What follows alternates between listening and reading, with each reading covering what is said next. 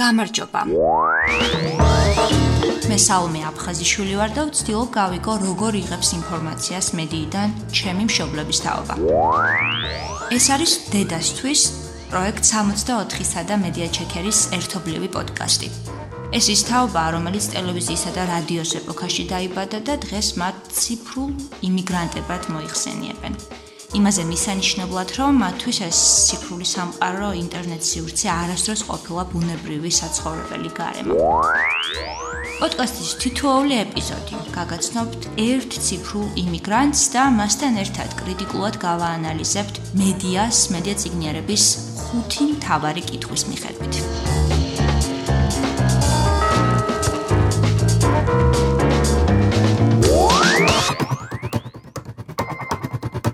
ვინ შექმნა ამბავი? რა მეთოდებია გამოყენებული ჩემი ყურადღების მისაპყრობად? როგორ აღიქვამს ერთსა და იმავე გზავნილს სხვადასხვა ადამიანი? რა იდეოლოგია დგას ამ ამბის უკან? რა არის გამოტოვებული? ონლაინ სივრცეში მუშაობა პოდკასტის ამ ეპიზოდის გმირისთვის 56 წლის ნინო თოფურიძისთვის ახალი არ არის. ამიტომ ეს ახალი ჩვეულებრიობა, რომელიც მე ვთარგმნე ესეთი დღეს უკვე ხშირად გამოყენებული ცნების ცნებიდან ინგლისურენოვანი გამოთქმა ასეთი new normal, რომლის ქართული შესატყვისი კარგად ვერ მოძებნე, მაგრამ აი ეს უფრო ჩვენ რომ მოვირგოთ ჩვენ ენაზე ახალი ჩვეულებრიობა დავარქვი. აი ეს ახალი ჩვეულებრიობა, რომელიც პანდემიამ დაამკვიდრა, ხო, უკვე 2 წელი გახდება მალე. ნინოსთვის ეს უკვე 6 წელია ნორმა. ის სახლიდან მუშაობს მისი პროფესიიდან გამომდინარე უკვე 6 წელზე მეტია.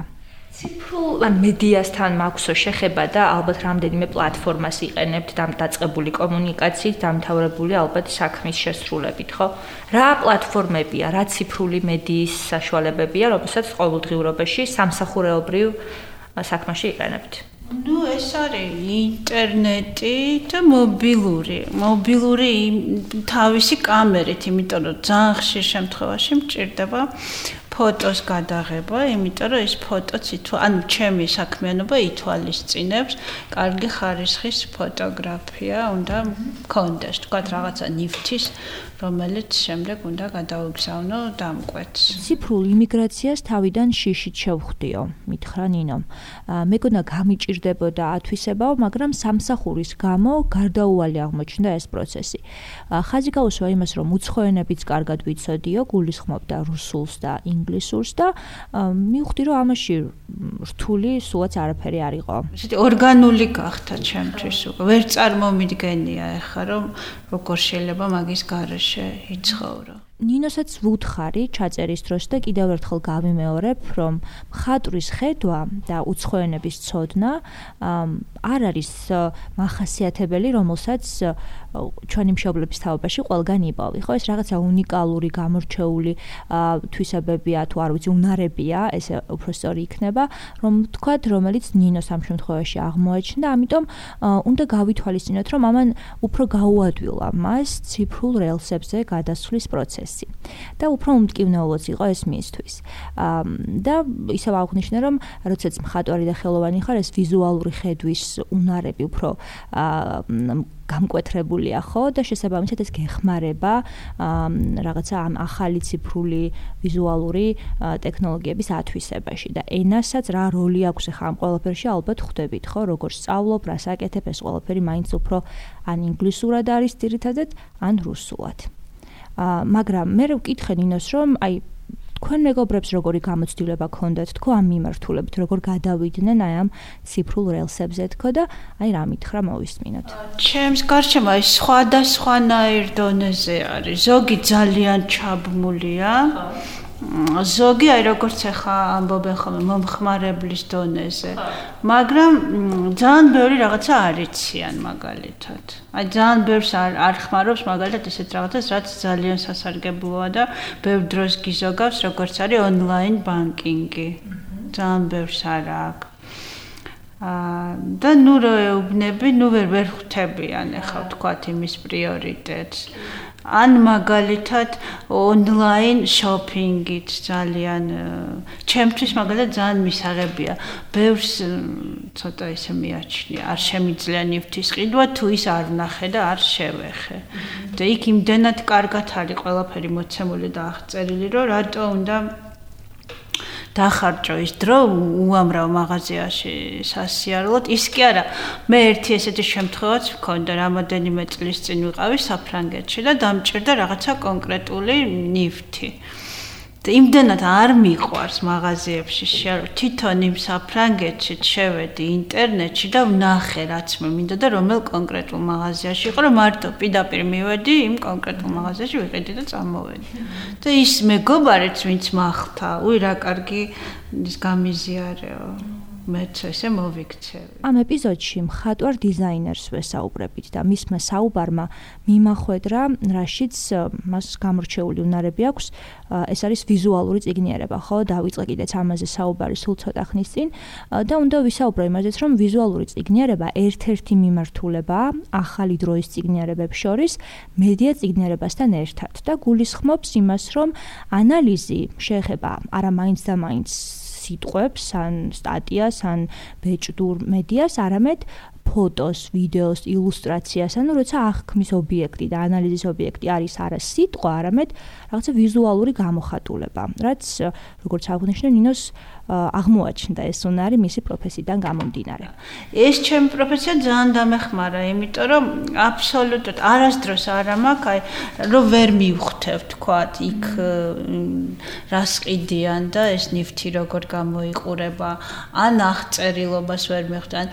ის კი რა ვიზუალურადაც ხვდები, თქვა რაღაცა რა ნაჭრიდან არის, რა ფაქტურა არის და ეს გაყალბებულია თუ არა, ხო, ეს რაც თქმა უნდა, ის იმ წუთშივე, ხო, ის იმ წუთშივე ჩანს, იმ წუთშივე. აი, შეგიძლიათ ახლა ჩვენ ამ პოდკასტის ამ სერიას, რა თქმა უნდა, სხვაებიც მოისმენენ და ყოველთვის ვცდილობ ხოლმე, რომ მარტო ჩემი და თქვენი საუბარი კი არ იყოს, არამედ იყოს გან ანუ საგანმანათლებლო, ასე ვთქვათ, ინფორმაციული სხვებისთვისაც. აი, და რთულია ვიცი ახსნა, ეხლა როგორ შეიძლება თვალით მიხვდე რა არის გამოგონილი და რა არა, მაგრამ აი, რამდენადაც შეგიძლიათ რომ აღწეროთ. როგორ ხვდებით? როგორ არჩევთ ნამდვილსა და გამოგონილს, რაც არ უნდა იყოს. აი მაგალითად ფეხსაცმელზე ძალიან მარტივად გეტყვა. აი ხო არის, ну ჯერ ეს ერთი ფასის მიხედვით უნდა მიხვდე. მე ყველა თავმოყარე ონლაინ მაღაზიას აქ საოცრად კარგად აღწერილი. თუ რა მასალიდან არის ესა თუ ის ფეხსაცმელი. მაგრამ კიდე ხო არის ხანდახან აი ფეიქ ბრენდებს როდემ აუცილებლად უნდა ნახო ფეხსაცმლის ძირი. თუ იმითი მიხვდები, ანუ თავმოყარე და ძვირიანი და კარგი ბრენდი არასდროს არ აკეთებს თქვა ხელოვნურ ძირს ფეხ მე არ ვიძახი სპორტულ ფეხსაცმელზე და რაღაც ზეთი ზამთრის თოლში ჩასაცმელზე რას თქვა რეზინის ან კაუჩუკის. მე ვიძახი აი ჩვეულებრივ კარგი ტყავის ისეთ ყოველდღიურ ფეხსაცმელზე ან casual-ს რასაც აუცილებლად იმას აქვს ტყავის ძირი და მაგითი მიხვდები რომ ეს არის კარგი. მე ახლოს რომ მოგაქხოლმე ფოტო. ყოველთვის ეტყობა იქ როგორ არის ის ხანდახან ფეხსაც მოსაც ეტყობა ხოლმე რომ ეს წებო არის გადმოსული ან რაღაცა და ნუ მაგითი მიხვდები. ბალთების სიპრიალეზე ხვდები ხოლმე. ზედმეტად ყვითელი რო არის ძალიან დაბალი ხარისხი, ოვით ოქროს და ვერცხლის ფერი ბალთები ხო არის ხოლმე ან რაღაც. აი ზედ აი რაღაცნაირად არაბუნებრივად ოქროს ფერს აკეთებენ და ის არის ყალბი, რომელიც არის თქვა შეიძლება პლასმასი, რომელიც ამოვლებულია აი რაღაცა ესეთ იმაში ამალგამაში ან ეს ყველა თაობისთვის ძალიან სასარგებლო რჩევები მგონია. მათთვის კი ვისაც შეიძლება ეგონოს რომ აქ მედია ციგნერება არაფერ შუაშია, ვეტყვი რომ თავშია, იმიტომ რომ ვიზუალური და ინფორმაციის კრიტიკული ანალიზი ნამდვილად არის ონლაინ შოპინგის დროს შეცდომების არიდების კარგი იარაღი. დაინტერესდი, რამდენად შეიძლება ვიზუალური ციგნიერების უნარები ჟურნალისტურ ან სხვა მედია ტექსტებს მოვარგოთ მეთქი. მეცხრე ეპიზოდის გმირს ამაზეც ქონდა მაგალითი თავისი ყოველდღიური გამოცდილებიდან. აი თუნდაც აი ნიკებით ხვდები უკვე აი ადამიანის ხო არა ნიკნეიმ ქართულად არის. ზედმეტ სახელებს როიღებენ, ხანდახან ისეთი უცნაური და ბანალური, ბანალურად ჟღერს, რომ არ შეიძლება თავმოყარე ბლოგერი, ვინც მართლა, ვისაც მართლა უნდა რომ ყავდეს ბევრი გამომწერი. რომ აი რაღაცა ან თავის სახელს და გვარს დაერქვა, ან ყოველ შემთხვევაში რაღაც უფრო ესეთი სოლიდური ექნება ნიკი. და იმითიც ხვდები და ხშირად მართალი ვარ, იმიტომ რომ როგორც კი მოусმენ 2-3 წამი, იმ წუთში ვანებებ თავს. ჩვენი საუბრისას ნინო თოფურიძე ხშირად ახსენებდა YouTube-ს. ამიტომ მის YouTube-ის გამოცდილებაზეც ვკითხე და იმაზე თუ ყავს გამორჩეული YouTuber-ი, რომელსაც ყველაზე ხშირად უსმენს. ერთი ექიმი არის ამერიკელი, შეეძახიან Dr. Berg. და ძალიან მომწონს. Welcome. Today we're going to show you how to start keto correctly. And this is for beginners. What what are we trying to do? We're trying to switch what your body იმიტომ რომ მოკლე სიუჟეტები აქვს და ძალიან მარტივ ადამიანის არასამედიცინო სფეროში გათვითცნობიერებული ადამიანისთვის ძალიან ბევრ საინტერესო რაღაც ინფორმაციას იძლევა. Google-ისა და YouTube-ის როგორც საძიებო სისტემების გამოყენებაზე რომ საუბრობდით, ერთი პრობლემა გამოიკვეთა. ამ პრობლემებზე სხვაებიც დიდი ხანია საუბრობენ და ნამდვილად არის ეს მედია ციგნიერების კვლევის ერთ-ერთი თემა. და კითხვა ასე ჟღერს, ეს თავარი კითხვა, რა ენაზე ეძებს ჩვენი მშობლების თაობა Google-სა და YouTube-ში ინფორმაციას? ალბათ რუსულად და ეს ბუნებრივია, მაგრამ ალბათ ნაკლები ეძებს ინგლისურ ენაზე და საერთოდ ქართულ ენაზე რა ინფორმაცია ამოდის ამ საძიებო სისტემაში, ეს კიდევ ცალკე კვლევის საკითხია და ნინოს ამაზეც აქვს თავისი პასუხი და გამოცდილებაც გაგვიზიარა. დღეს შემილია გითხათ დღევანდელი რაღაც დამჭირდა ეგნატე ნინოშვილის ჩვენი მწერალი ქართული ეგნატე ნინოშვილის ნაწარმოების გმირები. და აი როგორც რუსულად კრიფავ და ინგლისურად მიჩოლი, ავკრიფე ეგნატე ნინოშვილის გმირები. საერთოდ არაფერი არ მომიგდო. ამომიგდო რაღაცა ძალიან ისეთი მშრალი ინფორმაცია ეგნატე ნინოშვილზე. და მე მე თვითონ გამახსენდა ის გოგია უიშვილი, რომელიც სკოლაში, ну, დამჭირდა და აი ძალიან ცუდი ხარისხის. ნინო თოფურიძე ტელევიზორს წლებია აღარ უყურებს, თუმცა მას განსაკუთრებული ისტორიები აკავშირებს ტელევიზიასთან, როგორც ცნობილი სატელევიზიო წამყვანის ლია მიქაძის შვილს. თუ კი ის შემოგთავაზებდა, რომ წამოდი სამსახურში მიხაროდ. განსაკუთრებით ბავშვობაში, იმიტომ რომ მასში სულ სხვა სამყარო იყო, ის თვითონ ის ტელევიზია.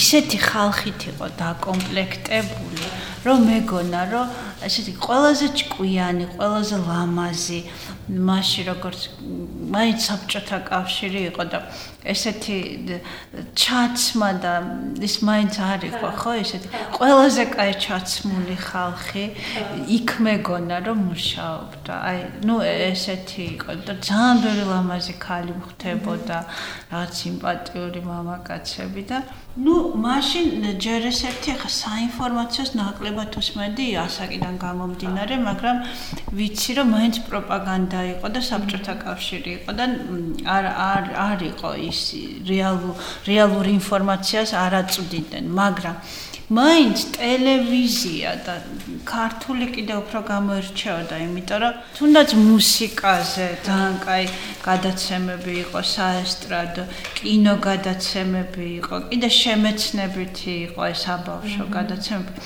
ანუ რაღაცა მსოფლმხედველობას გიხსნიდა თუ არ ვიცი, ხო, უბრალოდ შემეცნებითი სახის იყო. შემეცნებაზე თუ მიდგა საქმე და ამაზე დავიწყეთ საუბარი, დღეს YouTube და Google იმდენად მრავალფეროვან ინფორმაციას იძლევა, შეგვიძლია თავისუფლად თქვათ, რომ შემეცნებითი ტელევიზიის როლი აღარ არის ისეთი აქტუალური. რასაც დღევანდელი ეპიზოდის რესპონდენტიც დამეთანხმა, თუმცა ციფრულ ტექნოლოგიებსა და ინტერნეტის შეუზღუდავ შესაძლებლობებზე საუბრისას თითქმის ყველას აქვს ხოლმე ეს მაგრამ მომენტი და ნინო თოფურიძისთვის ეს მაგრამი ასე აიხსნება. არიან ადამიანები, რომლებიც მუდმივად მობილურში იყურებიან და ბევრჯერ მინახია თქვა აი კაფეში რომ შედიხარ, გოგო და ბიჭი შემოდის, რომ ვერ ხვდები რატო არიან ერთად, იმიტომ რომ ერთი თავის მობილურში არის, მეორე თავის. ანუ ჩემ მასაკს ჯერ კიდევ შესწავს იმის უნარი, რომ ჩვენ ეს განვაცალკეოთ. აი მე მაგალითად საღამოს, ну, კოვიდამდე რომ დავდიოდი ან თეატრში რომ ვიცოდი, მივდიოდი ან სადღაც, მობილურს ყოველთვის სახში ვტოვებდი. იმიტომ რომ მე მიმაჩნდა, რომ ის დრო უნდა დაუთმო, არ თქვა, კიდაც იმ სპექტაკლს და შვენიერი მაგალითია და ამით უახლოვდებით იმ ერთ-ერთ კითხვას, რომელიც მე სულ მაქვს ხოლმე ყველა რესპონდენტთან ჩვენი პოდკასტის. აა რა ცოდნა შეიძლება მივიღოთ თქვენი თაობისგან, მშობლებისგან, რომელიც შეგვიძლია მოვარგოთ ციფრულ ტექნოლოგიების სწორად გამოყენებას, სასარგებლოდ გამოყენებას და არასაზიანოდ. ნუ არ ვიცი, ალბათ უნდა მივდგეთ აი როგორც ადრე რო იყო ენციკლოპედიები, ხო? მხოლოდ იმისთვის, რომ იქიდან რაღაცა ინფორმაცია მიიღო. ან თუნდაც ისიც კარგია, როცა მეგობარი ყავს სხვა ქვეყანაში და რომ მოგენატრება, რომ დაელაპარაკო, მაგრამ არ უნდა იყო რაღაცნაირად მიჯაჭვული. და ანუ ეს ცოტა დროსაც თითქოს აჩქარებს, მაგრამ ამავე დროს ძალიან ბევრ დროსაც გართმევს და რაღაცა დაბალანსება უნდა ამას ყველაფერს. ანუ თლად ბოლომდე არ უნდა მოგიცვას ამან. ნამდვილად სასარგებლო რჩევებია, მაგრამ რამდენად მარტივად გაითვალისწინებს ჩემი თაობა და მათ შორის მე ეს ნამდვილად არ ვიცი, არ მაქვს ამაზე ახლა პასუხი. Smartphone-ზე დამოკიდებულებას ნინო თოფურიძე კიდევ იმითაც ებრძვის, რომ ჩემი თაობისგან განსხვავებით შედარებით ნაკლები მობილური აპლიკაცია აქვს. იყენებს როგორც მითხრა მხოლოდ Messengers, Facebook-ს, WhatsApp-ს, Viber-ს, Instagram-ს, ამოწმებს ამინდის აპლიკაციას და ერთი აპლიკაცია აქვს, რომელთაც ფოტოს ამუშავებს, ისაც მხოლოდ მაშინ, როცა რიგში ვდგავარ, ან უბრალოდ დროის მოკლა მინდა. იმიტომ რომ ვცდილობ, რომ არ ვიყო დამოკიდებული მობილურზე. და ყველა ის საქმე მოვჩე ლეპტოპით და თუ სადმე გავდივარ, არ შემიშალოს ამან ხელი, აი ესეთ უშუალო ურთიერთობა. ტელევიზორს არ უყურებო, როგორც მითხრა, შესაბამისად, მედია ციგნერების ექსპერიმენტისთვის ისე Facebook-ის newsfeed-ს მივმართეთ, გავხსენით მისი Facebook-ი და დავიწყეთ newsfeed-ის თვალიერება. ძირითადად რაღაცა ფოტოები და ეს ეს რაღაცა ბიზნესი არის. Skin care სახის მოვა. რაც რა. მანამდე შეხვედრია skin care-ზე. ხო, არა, რაღაცა დიდი. ეს კონტენტი შინაარსი, რომელსაც თქვენს newsfeed-ში ხედავთ. თუ გიფიქრიათ, რის რაიმის შედეგი არის ეს? ან წეგან დავიწყოთ ამაზე საუბარი. ანუ ჩემთან რა ტექნება ეს? ალბათ როდესმე კი, ალბათ როდესმე რაღაცა წამიკითხავს, ან მომიძიებია Facebook-ით და მე მომდის, ხო, მე შემომთავაზეს და მომდის კი. მაგრამ ისიც ყოფილა, რომ აი Facebook-ით ბევრი საჭირო ინფორმაცია მიმიღია. თუნდაც პანდემიამდე სად რა საინტერესო გამოფენა არის? ან რაღაცა თუნდაც მაღაზიაში ფასდაკლება. რა ვიცი 1000 რაღაცა კაფე სად გაიხსნა სადრა შეიძლება გემრიელად ჭამო ძალიან მომწონს ხოლმე ამ Facebook ვერძებზე ფასებიც რო არის მითითებული რომ ესე ბრმათ არ მიდიხარ. ანუ იცი რა გელოდება თქვა ამ თუ იმ რესტორანში. ან ეხა ძალიან კარგი მაღაზია აღმოვაჩინე საბავშვო კამფეტების ლოლიპოპი. რომელიც ვერასდროს ვერ მივაგნებდი რომ ისეთ პატარა ქუჩაზეა და საკმაოდ უღიმ უღიმღამო. მაგრამ აი მივედი და ჩემ შვილიშვილს უყიდე რაღაც გადასარევი კამფეტე, ულამაზესი კამფეტები. ჩვენ რომ ყველა იმ სარეკლამო შინაარსის ინფორმაცია წაგვეკითხა, რაც ნინო თოფურიძის newsfeed-ში ამოვარდა იმ წუთას, ალბათ ამ რეკლამით ჩვენი პროექტი ბევრ ფულს იშოვიდა, რა თქმა უნდა, ეხა ამ რეკლამებს ჩვენ არ მოვისმენთ და არ წავიკითხავთ. და აი ამ scroll-ვა, scroll-ვა ბოლოში ძლივს ძლივს მივადექით მოკლედ ინფორმაციას შედარებით სოციალურ-პოლიტიკურ თემაზე და ეს იყო ინფორმაცია COVID პასპორტების შესახებ. ნინოსთვის ეს ოდნავ მტკივნეული საკითხია, იმიტომ რომ თვითონ აცრილი არ არის. ხაზგასმით მითხრა, რომ ანტივაქსერი არ ვარო, უბრალოდ ჯანმრთელობის პრობლემა მაქვს, რის გამოც ვერ იცრება, თუმცა სხვა მიზეზიც აქვს, რატომ თქვა უარი აცრაზე, არ მომწონს ყოველას ერთი ნიშნის ქვეშ გაერთიანება ამ აცრის წყალობითო, რაზეც მოგვიანებით კიდე უფრო ისაუბრებს ნინო, იმიტომ რომ მე ვთვლი, რომ მიუხედავად იმისა, რომ არაპოპულარული აზრი აქვს, ამის მოსმენა მნიშვნელოვანია და ამას მოგვიანებით თვითონ განმარტავს, მაგრამ მანამდე მედია ციგნიერების ექსპერიმენტი უნდა დავიწყოთ. მოდით, აი შევუდგეთ ახლა ამ ანალიზს აი ამ COVID პასპორტის, ხო? ეს იყო თემა, რომელიც არ მიიქცევდა თქვენს ყურადღებას. მიზეზიც გითხარით, რატომ არ მიიქცევდა ყურადღებას, მაგრამ საინტერესო მაიკარგას. კიდე ჩამოვყვეთ და იქნება ეს ყოველთვის ხდება ხოლმე. აა, ეს შემთხვევაში. აი ხო, აი აი აქ. აი გავხსნათ და პირველი კითხვა. ვინ შექმნა ამბავი? ეს ერთი შეხედვით მარტივი კითხვა, მაგრამ ძალიან მნიშვნელოვან ინფორმაციას გვაძლევს ამბავზე. ამ კითხვაზე პასუხის გასაცემად აუცილებელია ვიცოდეთ ორი რამ. ერთი, რომ ეს ამბავი ჩვენამდე მოსული ფორმით ვიღაცამ, ან ვიღაცებმა შეარჩიეს და მეორე, ამბავი შეიქმნა ამ არჩევანის შედეგად. აა, თქვა, ეს რა ჯემ ნიუსმა? ჯემ ნიუსი. ხო. იცით თუ არა რა ტიპის გამოცემა ჯენიუსი? არ ვიცი. მანამდე, ხაი რატომ რატომ მოხვდა თქვენს ნიუსფიჩში? არც ეგ არ ვიცი. ალბათ ნიუსფიჩში იმიტომ მოხვდა, რომ ისეთი ინფორმაცია, რომ ყოველას ნიუსფიჩში უნდა მოხვდეს, იმიტომ რომ უახლოეს დროს მოხდება ამ კოვიდ პასპორტების შემოტანა. და შეიძლება სუტრიალებს ნებისმიერ. კითხვა ნომერი 2.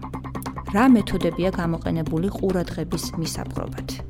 წინადადებებისა და სიტყვების არჩევანი, აუდიო-ვიზუალური ეფექტები. ის ცვლილებები, რომელიც კადრიდან კადრზე გადასვლის დროს ხდება. ციტატა, რომელსაც ვკითხულობთ, ფერი, რომლითაც ეს ციტატაა გაფერადებული. ეს ერთი შეხედვის ტექნიკური დეტალებია, მაგრამ გამოყენებული იმისთვის, რომ აუდიტორიის ყურადღება მიიპყროს. სწორედ ამ მეთოდების მარტივ მომრავლებად დაშლა და ანალიზი გვეხმარება მივიღოთ პასუხი მეორე კითხვაზე. ფოტო რა რა რა არის ფოტოზე? ფოტოზე იყო აეროპორტის გამშვები. ანუ საიდანაც მიფრინავთ, აი ბაგაჟს სადაც ვაბარებ და ვიფიქრე კიდე რამე ახალი სხვა არ მოიგონეს, თქვენ რაღაც ფასების ის სხვა არ მოხდა. ბილეთებზე. აი დაახლოებით ესეთი ის იყო. აჰა. ანუ პირველი ასოციაცია რაც გაგირჩენდათ ფოტოზე ეს იყო ეს იყო რა უნდა ფენებთან დაკავშირებით, მოგზაურობასთან დაკავშირებით. რატომ გამოიყენა ჯემნიუსმა ეს ფოტო თქვენი აზრით? ამ თემაზე სასაუბროთ. ნუ ალბათ იმიტომ რომ დღევანდელ დღეს უკვე COVID პასპორტის garaშე ვერსად ვერ იმოგზაურებ თუ არა გაქვს. ისე ვამბობ დისკომფორტი არ მინდა გამომიწვიოთ თქვენში, მაგრამ აი რა განცდები რა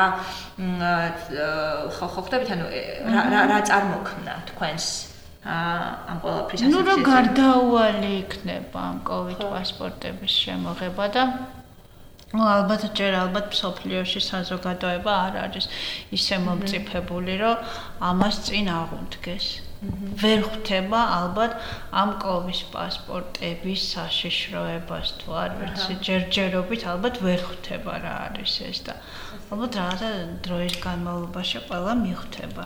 რომ ხელა სისულელე ჩაიდინეს, რომ დაუშვეს ეს კოვიდი. იმიტომ რომ ამას თუ დაუშვებენ, მე კიდე სხვა რაღაცასაც დაუშვებენ მსგავს და ნელ-ნელა ანუ შეზღუდვის, შეზღუდვის, რა თქმა უნდა და კონტროლის, კონტროლის და შეზღუდვის. ანუ ამით იგიზღუდავენ ასე ვთქვათ თავისუფლებას. ისედაც მე მიმაჩნია რომ ისედაც არა ვართ ჩვენ ახლა თავისუფლები, როგორც ჩვენ გონია სინამდვილეში, მაგრამ ეს კიდე უფრო ზღუდავს, ხო?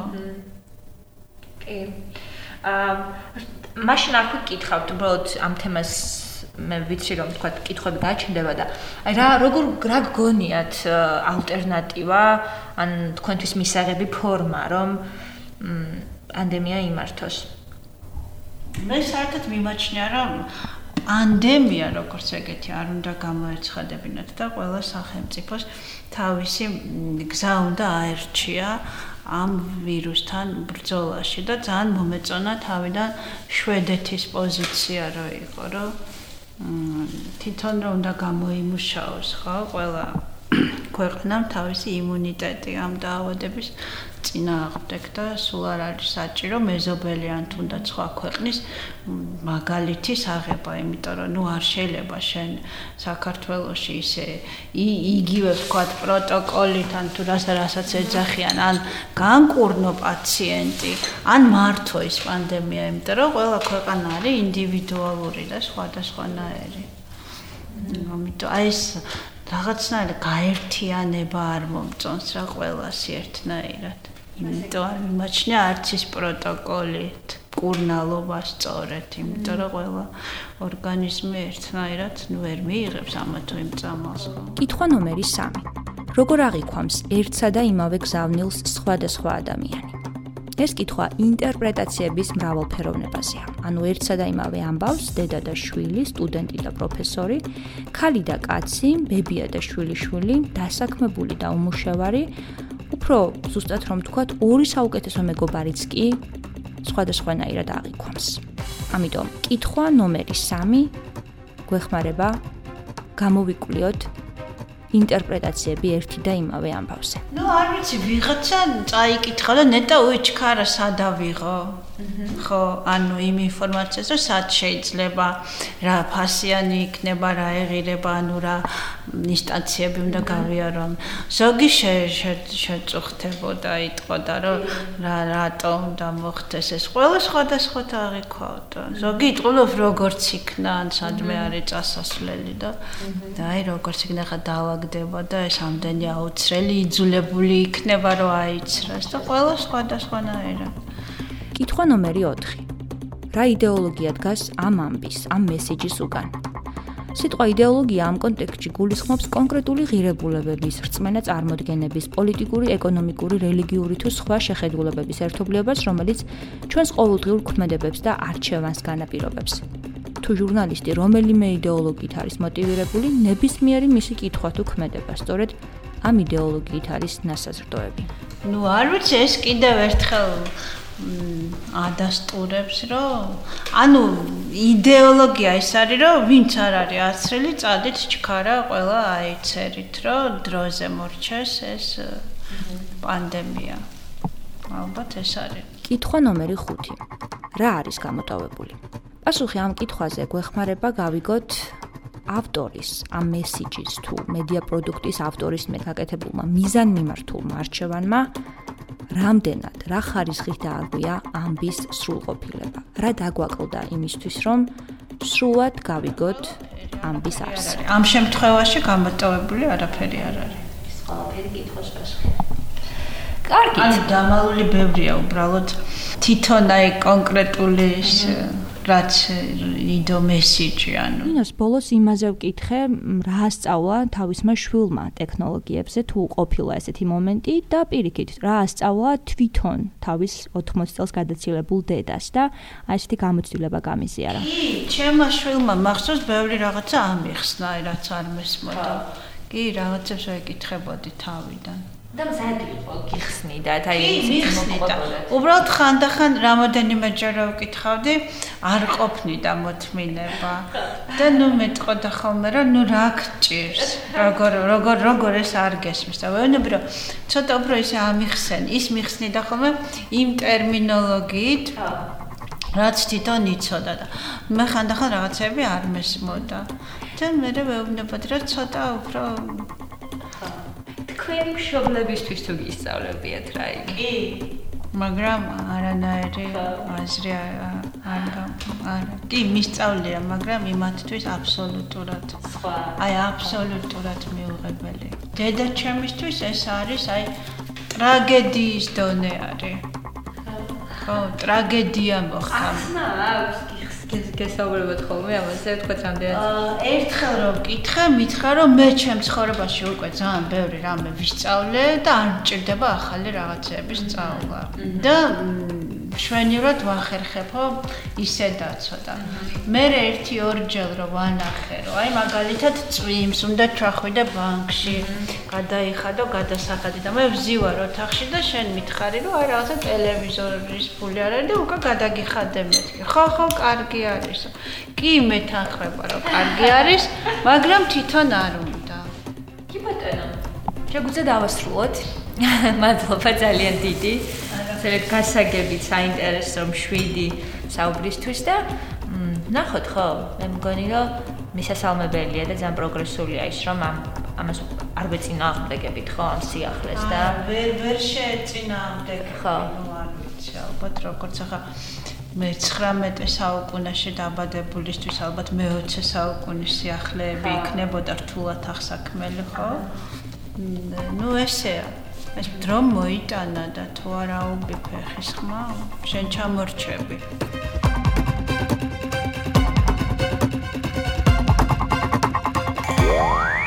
ეს იყო დედასთვის.